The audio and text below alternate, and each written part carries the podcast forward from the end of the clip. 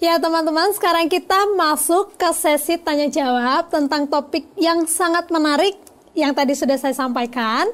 Dan sekarang saya udah ditemani dengan Kak Sigit. Halo, Eva. Kak Sigit apa kabar Kak? Puji Tuhan luar biasa. Gimana Eva kabarnya? Puji Tuhan sama juga luar biasa Kak Sigit. Nah, Kak Sigit ini karena temanya berbicara tentang hikmat Tuhan yang ada pada Raja Salomo. Ini saya boleh minta tolong diceritakan sedikit nggak? Kira-kira gimana sih perjalanan hidup dari Raja Salomo itu sendiri? Baik, saya akan menceritakan secara singkat perjalanan hidup dari Raja Salomo. Ya. Jadi Raja Salomo ini menggantikan ayahnya Daud sebagai raja atas Israel. Raja Salomo menjadi raja di usia yang sangat muda. Dia bertemu dengan Allah di Gibeon dan pada saat itu Allah bertanya kepada Raja Salomo apa yang menjadi permintaan. Dan kita tahu Raja Salomo menjawab begitu luar biasa permintaan daripada Allah diberikan kepada Raja Salomo dan Raja Salomo menjawab dia meminta hikmat Luar bukan meminta biasa. yang lain. Luar biasa. Ya, tetapi karena begitu besar kasih Allah bagi kehidupan Raja Salomo, Allah juga memberikan hal-hal lain, memberikan kekayaan, kehormatan dan mengukuhkan kerajaan Israel di masa Raja Salomo menjadi raja. Di dalam perjalanannya kita melihat banyak sekali raja-raja di dunia yang ingin melihat hikmat daripada Raja Salomo. Ya, mereka datang membawa upeti, mereka datang membawa hadiah. Sangat begitu luar biasa, sangat begitu diberkati. Dan janji Tuhan kepada Raja Salomo digenapi, yaitu Raja Salomo membangun bait Allah yang tidak diberikan kepada bapaknya Daud, tetapi diberikan kepada Raja Salomo. Di dalam perjalanannya, hati Raja Salomo ini condong kepada ilah lain. Itulah yang membuat Raja Salomo pada akhir dari pemerintahannya jatuh. Dan Raja Salomo memerintah kurang lebih 40 tahun sebagai raja. Ya, luar biasa ya Kak Sigit ya. Ketika diberikan kesempatan untuk meminta sesuatu, luar biasa dia memikirkan meminta hikmat gitu. Kalau saya sendiri mungkin pasti jawabannya minta mobil, minta rumah gitu. Jadi memang luar biasa gitu. Ya, ini kita masuk pada pertanyaan pertama dari teman kita at Kelvin 1705. Shalom Kelvin. Halo Kelvin. Nah ini pertanyaannya Kak Sigit. Dalam Alkitab apakah hikmat Tuhan hanya ada pembahasannya dalam Amsal? Gimana nih jawabannya Kak Sigit? Oke, Eh, sebenarnya di dalam pembahasan tentang hikmat bukan hanya terdapat di kitab Amsal. Kalau kita baca di dalam firman Tuhan di dalam 2 Timotius 3 ayat yang ke-16 dikatakan segala tulisan yang diilhamkan Allah memang bermanfaat untuk mengajar, untuk menyatakan kesalahan, untuk memperbaiki kelakuan dan untuk mendidik orang dalam kebenaran. Artinya seluruh daripada firman Tuhan itu adalah sumber hikmat daripada Tuhan. Memang ada kitab-kitab yang spesifik membahas tentang hikmat. Mulai dari Ayub, Mazmur, ya, eh, tulisan-tulisan dari Raja Salomo yaitu Amsal, Kidung Agung dan Pengkhotbah. Kalau di dalam Perjanjian Baru ada surat Paulus kepada jemaat di Korintus, lalu surat daripada Yakobus. Itulah kitab-kitab yang spesifik membahas tentang hikmat. Ya jadi ternyata yang membahas tentang hikmat itu nggak hanya di kitab Amsal gitu ya Kak kesimpulannya. Ya Kak Sigit ini ada lagi pertanyaan dari teman kita Eudia DNR dan Oce Paredatu. Halo Oce. Halo, Eudia. Nah, pertanyaannya Kak, bagaimanakah membedakan hikmat dari Tuhan atau apa yang kita pikirkan sendiri dan apa bedanya hikmat dan kata hati? Gimana Oke. Kak? Eh, baik, untuk membedakan hikmat itu dari Tuhan atau dari manusia, berasal dari atas atau dari hati kita, sangat mudah. Ada ciri-cirinya. Kalau hikmat itu dari Tuhan, ya, firman Tuhan katakan di dalam Amsal, tinggi hati mendahului kehancuran, tapi kerendahan hati mendahului hormat. Ini adalah ciri-ciri. Ciri dari hikmat Tuhan adalah kalau kita memiliki kerendahan hati, artinya yang pertama, mau meminta kepada Tuhan melalui doa. Yang kedua adalah orang yang rendah hati itu adalah orang yang mau dengar-dengaran. Yang ketiga adalah orang yang mau terus belajar. Diawali dengan kerendahan hati, maka hasil akhirnya akan membawa kepada kehormatan. membawa kepada kalau kehormatan itu bukan hanya berbicara tentang kekayaan berkat, tetapi bagaimana kalau kita memiliki hikmat, orang pasti akan respect dengan hidup kita. Berbeda dengan hikmat manusia. Hikmat manusia diawali dengan tinggi hati, mengandalkan dirinya sendiri, dan kita tahu manusia itu memiliki keterbatasan. Karena mengandalkan dirinya sendiri pasti akhirnya akan jatuh Itulah perbedaan ciri-ciri antara hikmat Tuhan dan hikmat manusia. Bapak Gembala pernah menerangkan hmm. pada kita tahun yang lalu bagaimana membedakan ya antara hikmat Tuhan dan hikmat manusia melalui checklist. Checklist apa ya? Di dalam firman Tuhan saya akan bacakan di dalam Yakobus 3 ayat yang ke-17. Dikatakan, tetapi hikmat yang dari atas adalah pertama-tama murni, selanjutnya pendamai, peramah, penurut, penuh belas kasihan, dan buah-buah yang baik, tidak memihak, tidak munafik. Ada delapan checklist ya. Bagaimana kita tahu ini dari Tuhan? Kita harus mengukur apakah ini murni, apakah membawa kedamaian, apakah peramah, penurut, ya. apakah ada belas kasihan di dalamnya, ada tujuan yang mulia, tujuan yang baik tidak memihak, tidak munafik. Jika semuanya sudah lengkap, kedelapan ini ada di checklist kita, semuanya sudah terpenuhi, maka kita pastikan itu hikmat dari Tuhan. Sangat sederhana. Ya luar biasa jawabannya Kak Sigit. Jadi intinya kalau saya simpulkan kita bisa menilai itu hikmat dari Tuhan atau manusia lewat buahnya gitu ya Kak. Luar biasa. Nah ini Kak ada lagi pertanyaan kita dari teman yang lain dari Ednando Christian. Pertanyaannya, bagaimana kita meminta tuntunan Tuhan agar menguasai diri kita? Gimana kak? Ya penguasaan diri itu sebenarnya termasuk di dalam sembilan buah roh. Ya, bagaimana kita bisa berbuah menghasilkan penguasaan diri? Firman Tuhan katakan kita harus melekat pada pokok anggur. Saat kita melekat, maka ada buah yang dinikmati oleh Tuhan, juga dinikmati oleh manusia, yaitu penguasaan diri. Tetapi kalau kita mengandalkan kekuatan kita berusaha menguasai diri itu hanya temporary. Artinya mungkin bisa, tapi hanya sementara. Karena itu butuh kerendahan hati, kita selalu melekat kepada Tuhan, selalu suka baca firman Tuhan, selalu berdoa, maka pimpinan dari Tuhan nyata di dalam hidup kita. Ya luar biasa intinya melekat pada Tuhan gitu ya, ya. kak ya. Ya kak Sigit ini masih ada lagi pertanyaan dari teman kita Oce Paredatu. Ini pertanyaannya, apakah hikmat hanya dimiliki orang Kristen saja? Gimana kak? Oke, secara tegas dan jelas memang benar ya bahwa firman Tuhan itu adalah sumber hikmat dan firman Tuhan kita tahu semuanya ditulis dalam suatu buku yang bernama Alkitab. Ya, itu adalah pegangan kita sebagai orang Kristen, buku kita, kitab kita. Ya. Di dalam Alkitab itu kita juga belajar bahwa ada di dalam Yosua dikatakan kalau kita memperkatakan kitab Taurat ya siang dan malam maka kita berhati-hati ada hikmat hikmat berasal dari firman Tuhan begitu pula Mazmur Mazmur pun juga berkata ya jangan lupa merenungkan firman Tuhan siang dan malam. Firman Tuhanlah sumber daripada hikmat. Makanya secara tegas kita boleh menyatakan bahwa memang hikmat itu ada hanya bersumber di dalam Alkitab. Banyak tokoh juga yang memang belajar Alkitab, membaca firman Tuhan. Salah satu tokoh yang mungkin kita tidak pernah kita tahu ya, kita pikirkan yang suka membaca firman Tuhan atau Alkitab itu adalah Bung Karno, presiden pertama kita ya.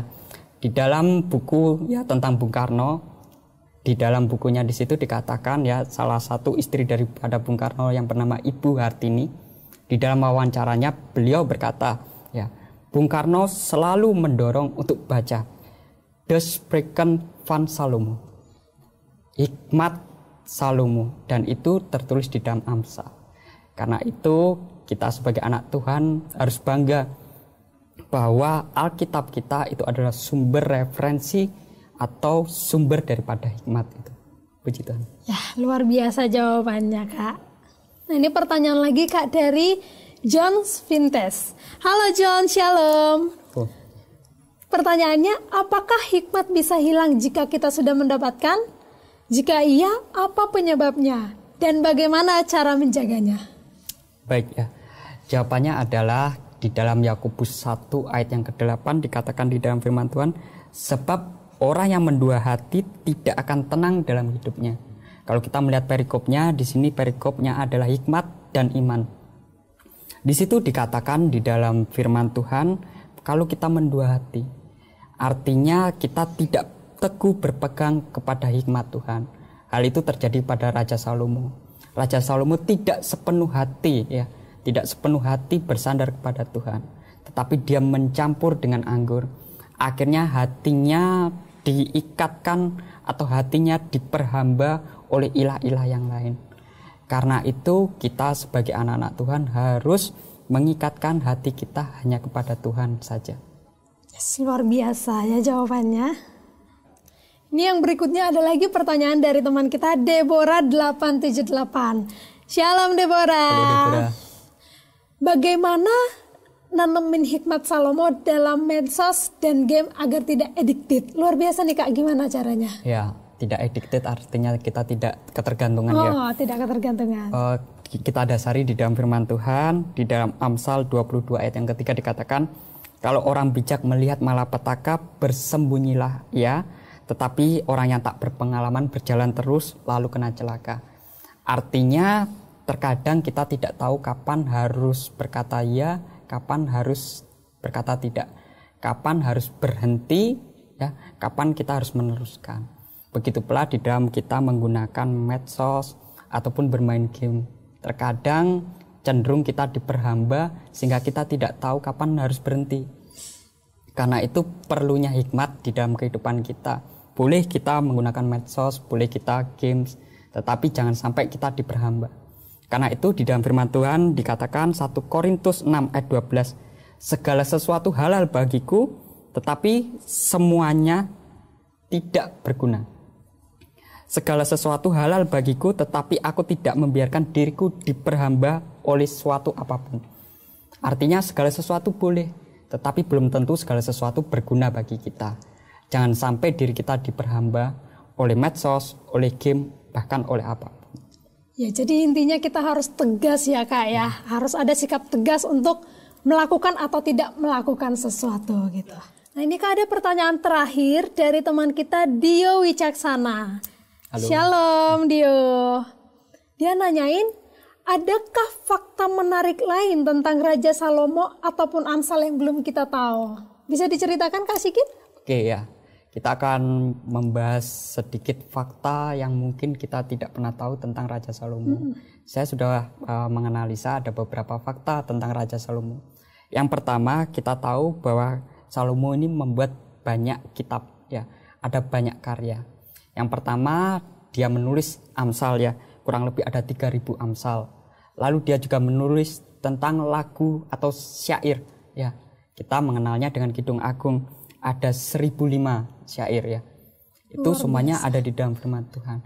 Dan kita juga mengenal di akhir hidup daripada Raja Salomo dia menuliskan kitab pengkhotbah. Jadi Amsal ditulis pada saat Salomo muda, lalu kitab Kidung Agung ditulis pada saat usianya sudah matang atau dewasa, dan yang terakhir pada saat usianya sudah lanjut, dia menuliskan tentang kitab pengkhotbah. Jadi selama umur hidupnya itu nggak berhenti menulis tentang kata-kata hikmat ya, karyanya gitu ya, ya. ya. Fakta Luar yang kedua biasa. ya yang mau hmm. saya sampaikan berkaitan tentang Raja Salomo yaitu Raja Salomo di dalam kesehariannya saja untuk makanan ya kita tahu berapa banyak yang dihabiskan itu tertulis di dalam satu Raja Raja 4 ayat 21 sampai 23 sedikit saya bacakan ya ayat yang ke-22 Adapun persediaan makanan yang diperlukan Salomo untuk sehari ialah 30 kor tepung yang terbaik dan 60 kor tepung biasa. Ayat 23. 10 ekor lembu gemukan dan 20 lembu gembalaan dan 100 ekor domba belum terhitung rusa, kijang, ya rusa dan di gangsa piaraan. Artinya dalam satu hari saja untuk makanan begitu banyak yang dihabiskan oleh Raja Salomo. Gak kebayang kalau di zaman sekarang kita harus nyiapin makanan sebanyak itu berapa banyak uang yang harus kita keluarkan ya Kak Benar sekali, ya. fakta yang berikutnya masih Ah, banyak ya. Lanjut lagi kak, Ya. penasaran nih. Fakta berikutnya yaitu tentang ya emas daripada Raja Salomo ya kita tahu Raja Salomo sangat diberkati Tuhan ya berapa banyak emasnya ya di dalam firman Tuhan ya di satu raja-raja 10 ayat 14 sampai ke 15 dikatakan firman Tuhan adapun emas yang dibawa kepada Salomo dalam satu tahun ya dalam satu tahun ialah seberat 666 talenta ayat ke-15 belum terhitung yang didapat dari saudagar-saudagar dan dari pedagang-pedagang dan dari semua raja Arab dan bupati-bupati negeri itu. Kalau kita hitung ya, 666 talenta itu satu talenta itu kurang lebih 34 kilo. Ya kalau kita hitung ya hari ini harga satu kilo kemarin saya buka data ya tanggal 14 ya bulan ini harga emas per satu kilonya itu adalah ya 859 juta per kilo. Ya kurang lebih kita buat 860 ya kita bulatkan ya. Kalau ya itu dalam satu tahun.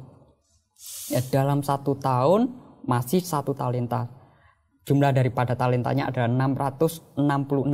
Kita kalikan 666 dapat angka 19 triliun dalam satu tahun. Dan masa jabatan dari Raja Salomo ini ada 40 tahun. Jadi 19 triliun dikali 40 kurang lebih 778 triliun kekayaan dari emas yang dibawa Salomo dalam satu tahun. Belum lagi dari saudagar yang lain sesuai dengan firman Tuhan. Sangat begitu banyaknya. Luar biasa kayaknya kalau di zaman sekarang punya harta sebanyak itu pasti bakal terpandang banget gitu ya Kak Sigit ya. Ya, puji Tuhan. Fakta yang berikutnya Oh, ya. masih ada lagi nih ternyata Kak. Masih ada, Luar ya. biasa lanjut lagi Oke. Kak. Fakta yang selanjutnya tentang hikmat dari Raja Salomo ya. Saking berhikmatnya kita tahu banyak sekali raja-raja dari dunia datang ya untuk melihat ya. Salah satunya ada Ratu Sheba, ada juga raja-raja yang lain. Memang dikatakan di dalam firman Tuhan tidak ada yang lebih berhikmat daripada Raja Salomo. Di sebelum dan sesudah tidak ada yang lebih berhikmat dan tidak ada yang lebih diberkati daripada Raja Salomo. Ya, ini fakta ya tentang hikmat Raja Salomo. Dan yang terakhir ya, ini yang menarik ya, yang terakhir Raja Salomo dia mengambil emas ya pada saat itu menyuruh Raja Hiram naik kapal ya mengambil dari Ofir. Ofir ya menurut beberapa ahli geografi ya letak daripada Ofir ya ada beberapa pilihan. Hipotesis ya hipotesis saya saat saya membaca firman Tuhan ini Ofir itu letaknya di Indonesia. Wah, Indonesia Kak. Ya, ada beberapa fakta yang membuat hipotesis ini menjadi kebenaran ya. Salah satunya ya saya akan bacakan ya. Di dalam satu Raja-Raja 10 ayat 11 dikatakan, lagi pula kapal-kapal Hiram yang mengangkut emas dari Ofir membawa dari Ofir sangat banyak kayu cendana dan batu permata yang mahal-mahal. Fakta yang pertama tentang Ofir ini ya, Ofir ditulis bukan hanya di raja-raja tetapi di kitab Yesaya dikatakan pulau-pulau. Berarti kepulauan ya. Pertama ya. Indonesia masuk gitu ya, Ya, ya. masih masuk ya. Ya, Yang lagi, berikutnya Kak. adalah di Ofir ini banyak emas, ada perak, ada kayu cendana dan juga batu permata. Bahkan diceritakan juga ada gading di situ, ada kera dan ada burung merak ya. Kalau kita membahas fakta ini ya sebenarnya pada tahun 800 setelah Masehi ya kepulauan di Indonesia itu disebutkan adalah kepulauan emas. Ya di dalam bahasa ya bahasa Sanskerta disebut Swarna Dwipa atau pulau emas. Dan juga di Pulau Sumatera terdapat gunung ya Gunung Ofir. Dan kita mengenal memang pada zaman kerajaan Sriwijaya pada saat itu begitu banyak emas yang dihasilkan di Pulau Sumatera Begitu pula kayu cendana. Kayu cendana ini kalau kita pelajari sumbernya itu bukan di India. Sebenarnya kalau kita telusuri letaknya itu ada di Nusa Tenggara Timur. Ada di Pulau Timur dan Pulau Sumba. Inilah fakta-fakta yang membuat hipotesis kenapa kok Ofir ini ditunjukkan oleh beberapa ahli itu adalah kepulauan di Indonesia. Dan inilah yang membuat kita bangga sebagai anak Tuhan ya. Ternyata emas yang digunakan untuk membangun istana dan membangun bait Allah kemungkinan besar kalau sesuai hipotesis ini itu berasal daripada Indonesia. Ya sekali lagi tapi ini hanya sekedar hipotesis. hipotesis. Soal ya. kebenarannya ya belum tentu gitu ya. ya Kak. Harus kita pelajari, betul, harus kita teliti betul. lebih lanjut. Ya. Ya, eh, Kak, itu saja pertanyaan dari teman-teman kita. Makasih untuk teman-teman semua yang sudah memberikan pertanyaan dan sekarang sebelum menutup acara diskusinya kita mau doa dulu mungkin langsung dipimpin sama Kak Sigit ya Kak ya. Oke baik sama-sama kita berdoa kita tundukkan kepala. Tuhan Yesus, Allah Bapa kami yang bertata di dalam kerajaan surga, di dalam nama Tuhan Yesus. Terima kasih Tuhan untuk diskusi, untuk pendalaman akan firman-Mu yang boleh menjadikan kekuatan bagi kami anak-anak muda di mana pun kami berada. Sungguh Tuhan betapa indahnya hikmat yang kau berikan kepada Raja Salomo. Begitu pula hikmat itu tersedia bagi kehidupan kami. Di mana pun kami berada, dengan kerendahan hati kami Tuhan kami memohon kepadamu Biarlah hikmat itu memenuhi kehidupan kami. Sehingga di dalam segala keputusan, di dalam kehidupan kami, langkah-langkah yang harus kami tempuh, jalan-jalan yang harus kami lalui, kami menyandarkan semuanya melalui pimpinanmu, melalui hikmat daripada Tuhan. Sehingga kami boleh mengakhirinya dengan kemenangan, dengan kemuliaan bersama dengan Engkau. Terima kasih Tuhan untuk firman-Mu. Tuhan berkati kami semuanya di mana pun kami berada Biarlah Tuhan Yesus selalu menyertai kami, biarlah kuasamu, kuasa roh kudusmu selalu menyertai kehidupan kami di tengah-tengah keluarga kami dan di mana pun kami berada sehingga terang Kristus boleh percaya di dalam kehidupan kami. Terima kasih Bapa, segala pujian syukur kemuliaan hanya bagi Engkau. Di dalam nama Tuhan Yesus kami berdoa dan mengucap syukur. Haleluya. Amin.